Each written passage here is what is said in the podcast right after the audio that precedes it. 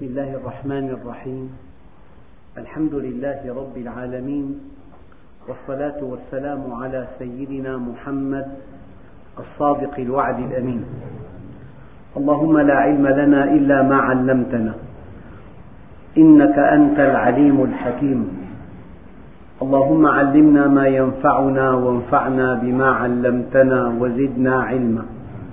وأرنا الحق حقا وارزقنا اتباعه. وأرنا الباطل باطلا وارزقنا اجتنابه. واجعلنا ممن يستمعون القول فيتبعون أحسنه وأدخلنا برحمتك في عبادك الصالحين.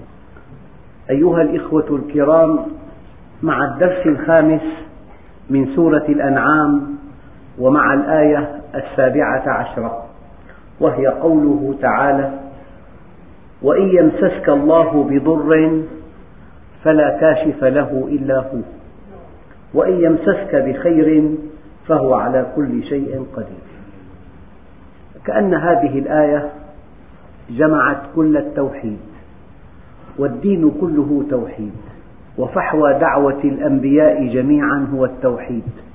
وما أرسلنا من رسول إلا نوحي إليه أنه لا إله إلا أنا فاعبدون. لكل شيء حقيقة وما بلغ عبد حقيقة الإيمان حتى يعلم أن ما أصابه لم يكن ليخطئه وما أخطأه لم يكن ليصيبه. ما يفتح الله للناس من رحمة فلا ممسك له وما يمسك فلا مرسل له من بعده.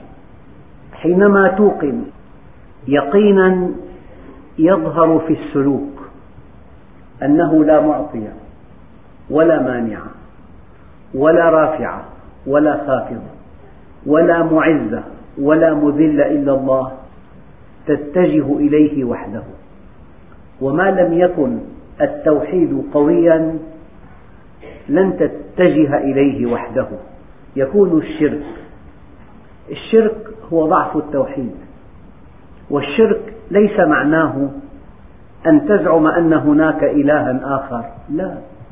حينما تتوهم أن زيدا بإمكانه أن يرفعك وأن عبيدا بإمكانه أن يخفضك وأن فلانا بإمكانه أن يعطيك وأن علانا بإمكانه أن يحرمك. حينما تؤمن إيمانا قطعيا أن المعطي هو الله والمانع هو الله والخافض هو الله والرافع هو الله والمعز هو الله والمذل هو الله. تكون مؤمنا. عندئذ لا تتوجه إلا إلى الله ولا تعبأ بغير الله. فاقض ما أنت قاض سحرة فرعون. يخاطبون جبار الأرض فاقض ما أنت قاض. إنما تقضي هذه الحياة الدنيا. لن نؤثرك على ما جاءنا من البينات. يعني أن يواجه هؤلاء السحرة جبارا كبيرا لولا اعتقادهم أن الله بيده كل شيء ما قالوا هذا الكلام. لن نؤثرك على ما جاءنا من البينات والذي فطرنا. فاقض ما أنت قاض إنما تقضي هذه الحياة الدنيا. إنا آمنا بربنا ليغفر لنا خطايانا وما أكرهتنا عليه من السحر والله خير وأبقى. أيها الأخ الكريم لن تذوق طعم الإيمان إلا إذا كنت موحدا. ولن تقطف ثماره إلا إذا كنت موحدا. ولن تكون صادقا معه إلا إذا كنت موحدا. ولن تكون في منجاة من النفاق إلا إذا كنت موحدا. إن يمسسك الله بضر فلا كاشف له إلا هو. وإن يمسسك بخير فهو على كل شيء قدير. كل طموحاتك وكل آمالك وكل أحلامك الله عز وجل قدير على تحقيقه وكل مخاوفك الله عز وجل قدير على أن ينجيك منه. يعني في بالقرآن قصص دقيقة جدا ومعبرة جدا. حينما يصبح الأمل صفرا فرعون من ورائهم والبحر من أمامهم. فرعون بقوته وجبروته وجنوده وأسلحته وحقده وشرذمة قليلون مع سيدنا موسى. البحر أمامهم وفرعون وراءهم. وقالوا إنا لمدركون. قال كلا إن معي ربي سيهدين. سيدنا يونس وهو في بطن الحوت فنادى في الظلمات أن لا إله إلا أنت سبحانك إني كنت من الظالمين فاستجبنا له ونجيناه من الغم وكذلك ننجي المؤمنين. سيدنا رسول الله في الغار يا رسول الله لقد رأونا. قال يا أبا بكر ما ظنك باثنين الله ثالثهما؟ أهل الكهف في الكهف. إبراهيم في النار. يا نار كوني بردا وسلاما على إبراهيم. سيدنا يوسف في البئر في الجب. هذه القصص ليست لأخذ العلم ولا لمعرفة الماضي ولكن هذه القصص إنما ساقها الله في القرآن الكريم لتكون دروسا لنا. ليس إلا الله. هو المعطي هو المانع هو الخافض هو الرافع.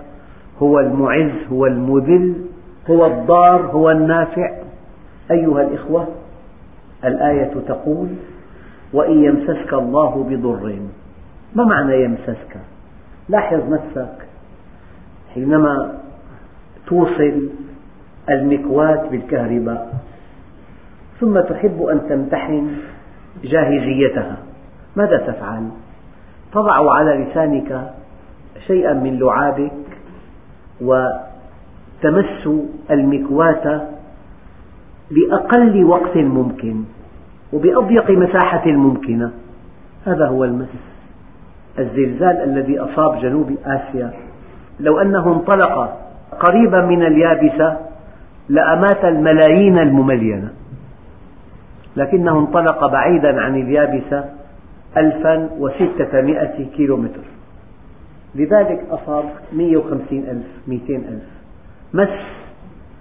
كل ما يساق لنا في الدنيا مس. يعني حالة مخففة جدا. أحيانا آلام الكلية لا تحتمل. تأتي نوبات. آلام الأمعاء لا تحتمل. تأتي نوبات. هذا كله مس.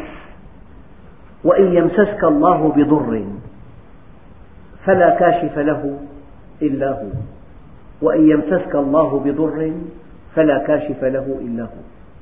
حينما تضع أملك بزيد أو عبيد حينما تعتمد على مالك حينما تعتمد على مكانتك حينما تعتمد على جماعتك فهذا نوع من الشرك. نوع من الشرك. الحقيقة أن الإنسان لضعف توحيده يبحث عن جهات قوية تعطيه الأمن. هذا الإنسان يعالج بطريقة دقيقة. جهة أمنه تخذله. الشيء الذي اعتمد عليه يزلزله. الجهة التي وثق بها تخيب ظنه. وهذه معالجة إلهية. وإن يمسسك الله بضر فلا كاشف له إلا هو. إنسان توقفت كليته عن العمل. وغني كبير واختار أفضل طبيب في من يعرف. فالطبيب أخطأ واستأصل الكلية السليمة فأصبح بلا كليتين. أنت حينما تعتمد على جهة أرضية وتثق بها وتستغني عن الله عز وجل فلله علاج دقيق. هذه الجهة القوية تخيب ظنك وتحبط مسعاك وتنسيك كل الأسباب التي اتخذتها. ينبغي أن تأخذ بالأسباب وأن تتوكل على رب الأرباب. ينبغي أن تأخذ بالأسباب وكأنها كل شيء ثم تتوكل على الله وكأنها ليست بشيء. الابن حينما يمرض يجب أن تبحث عن أفضل طبيب ويجب أن تطبق أدق التعليمات ويجب أن تعطيه الدواء بكل التفاصيل لكنك تعتقد اعتقادا جازما أن الشافي هو الله. لذلك تدعو الله عز وجل أن يشفيه وقد تتوسل إلى الله بصدقة لعل الله سبحانه وتعالى يأذن لهذا المرض أن يزول تأخذ بالأسباب وكأنها كل شيء. ثم تتوكل على الله وكأنها ليست بشيء. هذا هو الإيمان. سهل جدا أن تأخذ بالأسباب وأن تنسى الله عز وجل. إن أخذت بالأسباب واستغنيت عن الله بعقلك الباطن دون أن تشعر فهذا ليس من الدين في شيء. الغرب أخذ بالأسباب وألهها واستغنى عن الله عز وجل وفي حالات كثيرة يخيب ظن الغرب بكل الأسباب التي اتخذها. والشرق لا يأخذ بها ولكنه يتواكل على الله وهذا طريق غير صحيح. الذي يأخذ بالأسباب ويؤلهها فقد أشرك. والذي لا يأخذ بها فقد عصى. فأنت على طريق دقيق عن يمينك واد سحيق وعن يسارك واد سحيق. الوادي الذي عن يمينك أن تأخذ بالأسباب وأن تعتمد عليها فتسقط في وادي الشرك. والوادي الذي عن يسارك ألا تأخذ بها فتسقط في وادي المعصية. وإن يمسسك الله بضر فلا كاشف له إلا هو. هذا ينقلنا إلى الأخذ بالأسباب. يجب أن تأخذ بالأسباب. ويجب أن تتوكل على الله. يجب أن تأخذ بالأسباب وكأنها كل شيء. ويجب أن تتوكل على الله وكأنها ليست بشيء. والجهة التي تعتمد عليها تخيب ظنك. وتحبط عملك. يعني مثلا الطبيب الذي درس اختصاصا نادرا يظن أنه لن يمرض بهذا الاختصاص. من أعجب العجب أن هذا الذي اعتمد على علمه وظن أنه لن يمرض بهذا الاختصاص الذي هو متفوق فيه لا يمرض إلا بالمرض المختص فيه.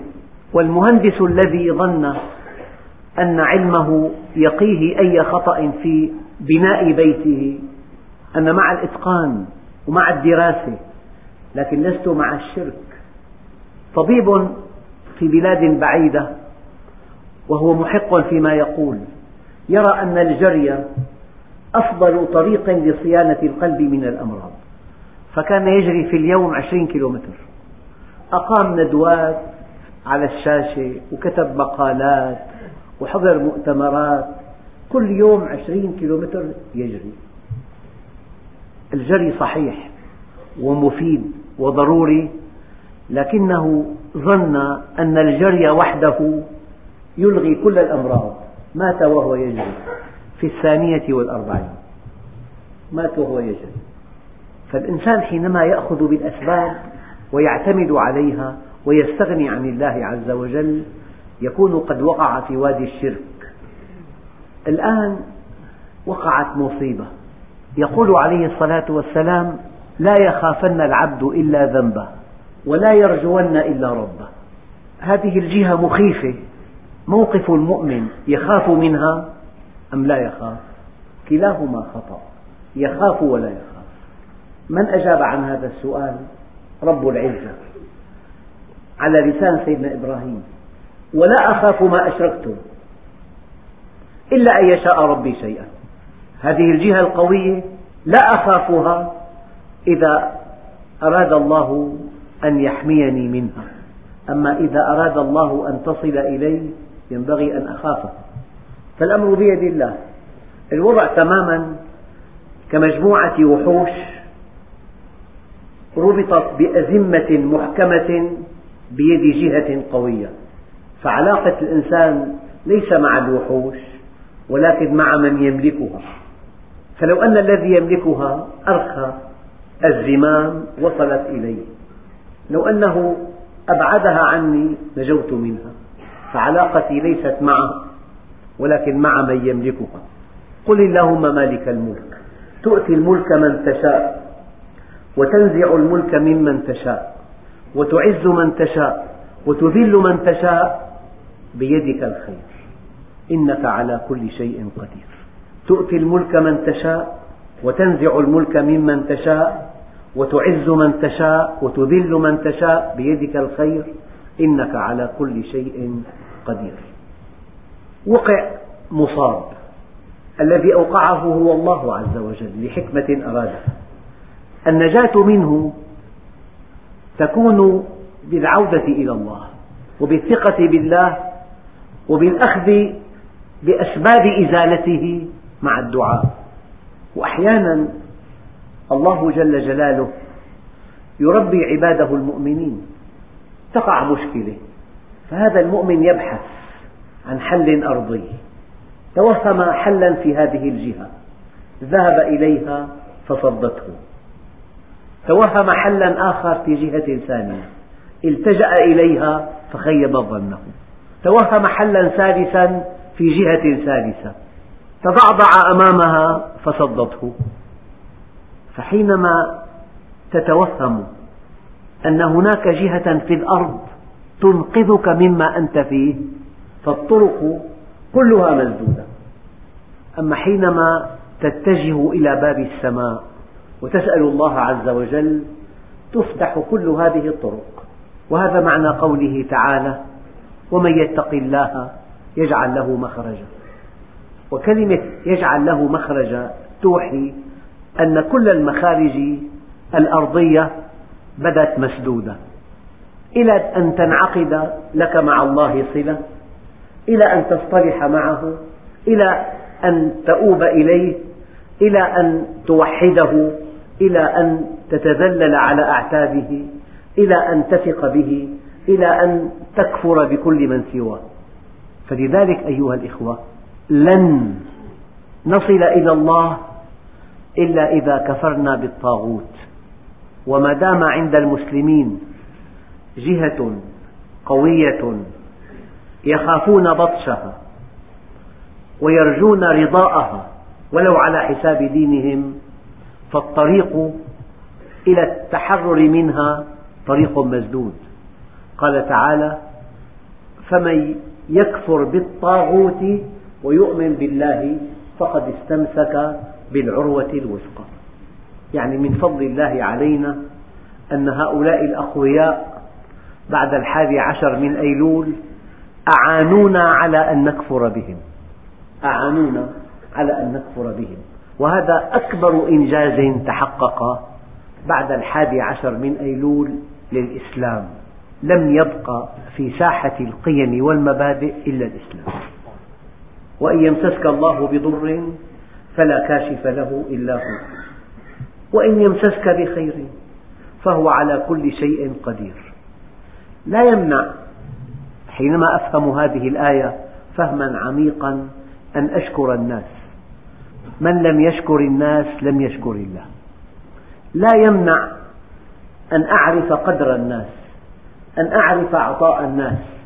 ولكن هذا من باب العبادة. أنا مكلف أن أشكر من أسدى إلي معروفا. أما أن أعتقد أن هذا المعروف من هذا الإنسان دون أن أفكر أن الله سخره وألهمه وسمح له أن يقدم لي خدمة هذا نوع من الشرك. لذلك قالوا قالوا ليس حديثا. اتق شر من أحسنت إليه. إن كنت قد أحسنت إليه ونسيت الله عز وجل. إن أحسنت إليه ولم يدخل في حسابك أن الله هو الذي يمنعه عنك أو هو الذي ألهمه أن يعطيك. فقد أشركت. لذلك وطن نفسك أن يأتيك شر من هذا الذي أحسنت إليه. عن طريق الشرك وإن يمسسك بخير فهو على كل شيء قدير. يعني آمالك عند الله طموحاتك رزقك صحتك زوجتك أولادك مستقبلك مكانتك سمعتك راحتك النفسية سعادتك سكينتك طمأنينتك رضاك كل ما ترجوه عند الله. لذلك الذنب الذي لا يغفر هو الشرك. الذنب الذي لا يغفر هو الشرك. لماذا؟ لأنك حينما تشرك تتجه إلى جهة لا تملك شيئا. أما حينما تؤمن تتجه إلى جهة تملك كل شيء. ماذا تريد؟ تريد صحة؟ تريد زواجا ناجحا؟ تريد رزقا حلالا وفيرا تريد راحة نفسية تريد طمأنينة تريد رفعة كل الذي ترجوه عند الله. أما إذا اتجهت لغير الله ما عنده شيء. ما عنده شيء يعطيك إلا أنه يحملك ما لا تطيق. أقول لكم أيها الإخوة أحد أكبر عذابات الدنيا. قال تعالى فلا تدع مع الله إلها آخر فتكون من المعذبين. فلا تدع مع الله إلها آخر فتكون من المعذبين. من اعتمد على ماله ضل. يعني أحيانا يتوهم الإنسان أنه بالمال تحل كل المشكلات. كنت عند طبيب قلب وجاءه هاتف من إنسان ثري يقول هذا المتكلم أي مكان في العالم؟ أي مبلغ؟ قال لهم والله ما في أمل. الحالة مستحيلة المعالجة. من يعتمد على ماله يؤدبه الله تأديبا بحيث يسوق له مشكلة لا تحل بالمال. مر إنسان أظنه مؤمنا لكنه أخطأ. قال بالمال يحل كل شيء. وقع في مشكلة فبقي في المنفردة ستين يوما والمال عندئذ لا يفعل شيئا. أحيانا بصحته يأتي خلل بالصحة لا يحل بالمال. يعني قضية التوحيد أيها الإخوة هي الدين كله. أنت مؤمن إذا كنت موحدا. أما إذا اعتقدت أن الله خلق السماوات والأرض هذا الاعتقاد اعتقده إبليس أيضا. هذا الاعتقاد يعتقده كل أهل الأرض الآن. لا تجد أحدا لا يقول إن الله خلق السماوات والأرض. أما حينما تعتقد أن الله فعال ليس خلاقا كما يتوهمه الغربيون عندهم الله خلاق ليس فعالا. ما له علاقة بالأرض. هلأ الآن بالزلزال؟ مئتين ألف وقد يصل الرقم إلى ثلاثمئة ألف وقد يصل لخمسمائة ألف والخسائر تقترب من خمسين مليار وقبل عشر سنوات من العمل الدؤوب لا تعود هذه البلاد إلى نشاطها السابق. هناك من يعتقد أنه لوحان تصادما فكونا هذا الزلزال. الله عز وجل ما له علاقة. هذا الاعتقاد مطروح. لذلك وإذا ذكر الله وحده يعني إذا جئت بتفسير توحيدي إيماني يرفضه الناس وإن يشرك به يؤمن. أما إذا اكتفيت بتحليل علمي فقط أنه لوحان تصادما كونا مدا أمواجه أتت على السواحل فدمرت كل شيء فقط معنى ذلك أن الله خلاق لكن ليس فعالا. وما تسقط من ورقة إلا هو يعلمها. سقوط ورقة من شجرة إلا هو يعلمها. فكيف بهذا الزلزال؟ أيها الإخوة قضية التوحيد هي أخطر قضية في الدين. التوحيد أن ترى أن يد الله فوق أيدي البشر يد الله فوق أيديهم. وما رميت إذ رميت ولكن الله رمى. التوحيد ألا ترى مع الله أحدا. كل هؤلاء الطواغيت وكل هؤلاء المجرمين هؤلاء بيد الله عز وجل يحركهم أو يمنعهم. فالضر بيد الله والخير بيد الله. لكن علماء العقيدة يقولون لا ينبغي أن تقول الله ضار. مع أن من أسمائه الضار. ينبغي أن تقول الضار النافع. مثنى مثنى المانع المعطي الخافض الرافع. لماذا؟ لأنه يضر لينفع ويبتلي ليجزي ويخفض ليرفع ويذل ليعز. وهذه سياسة الله. ولنذيقنهم من العذاب الأدنى دون العذاب الأكبر. لعلهم يرجعون. لا تمتحن إيمانك بقدر ما تحفظ من حقائق. امتحن إيمانك بقدر توحيدك. والتوحيد هو الدين كله. وما تعلمت العبيد أفضل من التوحيد. يعني الأخطار كلها بيد الله. نجاتك منها متوقف على أن الله سبحانه وتعالى يتولى حمايتك. وطموحاتك كلها بيد الله. بلوغك إياها متوقف على تيسير الله عز وجل. أنت حينما ترى أن الضر والنفع بيده والمنع والعطاء بيده والرفعة والانخفاض بيده تتجه إليه وهذا المطلوب منك أن تتجه إليه وحده وأن تكفر بمن سواه. ثم يقول الله عز وجل وهو القاهر فوق عباده.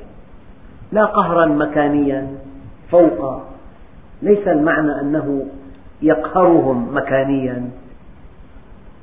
يقهرهم لأن كل شيء في الكون. يحتاج الله في كل شيء.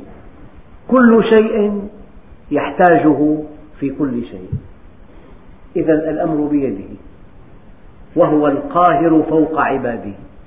وسبحان من قهر عباده بالموت. والإنسان وجد حلا لكل مشكلات الأرض. والله هناك حلول قد لا تأتي بالخيال. هناك حلول لكل مشكلات الأرض إلا الموت. ما في حل وهو القاهر فوق عباده. وسبحان من قهر عباده بالموت. وهو الحكيم الخبير. حكيم بأفعاله خبير بعباده. أفعاله فيها حكمة.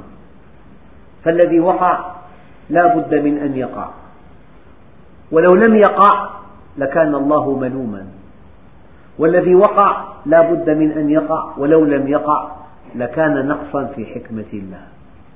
الله عز وجل قال سنستدرجهم من حيث لا يعلمون. نخبة أغنياء العالم. استدرجوا في هذه الأيام إلى سواحل المحيط الهندي. وهذه السواحل من أجمل سواحل الأرض. وحجزوا في أرقى المنشآت السياحية. وكل المحرمات تفعل هناك. كل المتع المحرمة في الشرائع السماوية الثلاث تفعل هناك استدرجوا. والرقم يقترب من 25 ألف. نخبة. نخبة أغنياء العالم. والرقم يقترب من 25 ألف. وهو الحكيم. الخبير. أيها الإخوة لا بد من توضيح. ليس كل من هلك في الزلزال مذنب. التعميم من العمى. كل إنسان يموت على نيته وعلى عمله. الحديث عن الذين هلكوا في الزلازل يجب أن يكون دقيقا. فهذه المصيبة للمذنب عقاب وللمؤمن ابتلاء وقد يكتب شهيدا وللناجي من غير المؤمنين تحذير وإنذار. هذا كلام دقيق لا أحب أن يتورط أحد في أن يصف كل الذين هلكوا في الزلزال بأنهم مذنبون. هذا الصواب. لكن وكفى بربك بذنوب عباده خبيرا بصيرا. وهو القاهر فوق عباده يحتاجونه في كل شيء. يحتاجه كل شيء في كل شيء. وقد قهرهم بالموت. وهو الحكيم الخبير أي حكيم في أفعاله خبير بعباده. الآيتان اللتان شرحتا في هذا الدرس تتحدثان عن التوحيد. والتوحيد إذا صح في الإنسان صح عمله وسلم ونجا. قد يسأل أحدكم ما الطريق إلى التوحيد؟ الطريق إلى التوحيد أن تزداد معرفة بالله. أن تتعرف إلى الله عز وجل من خلال خلقه ومن خلال أفعاله ومن خلال كلامه. فكلامه أي قرآنه طريق إلى معرفته عن طريق التدبر وأفعاله طريق إلى معرفته عن طريق النظر وخلقه طريق إلى معرفته عن طريق التفكر.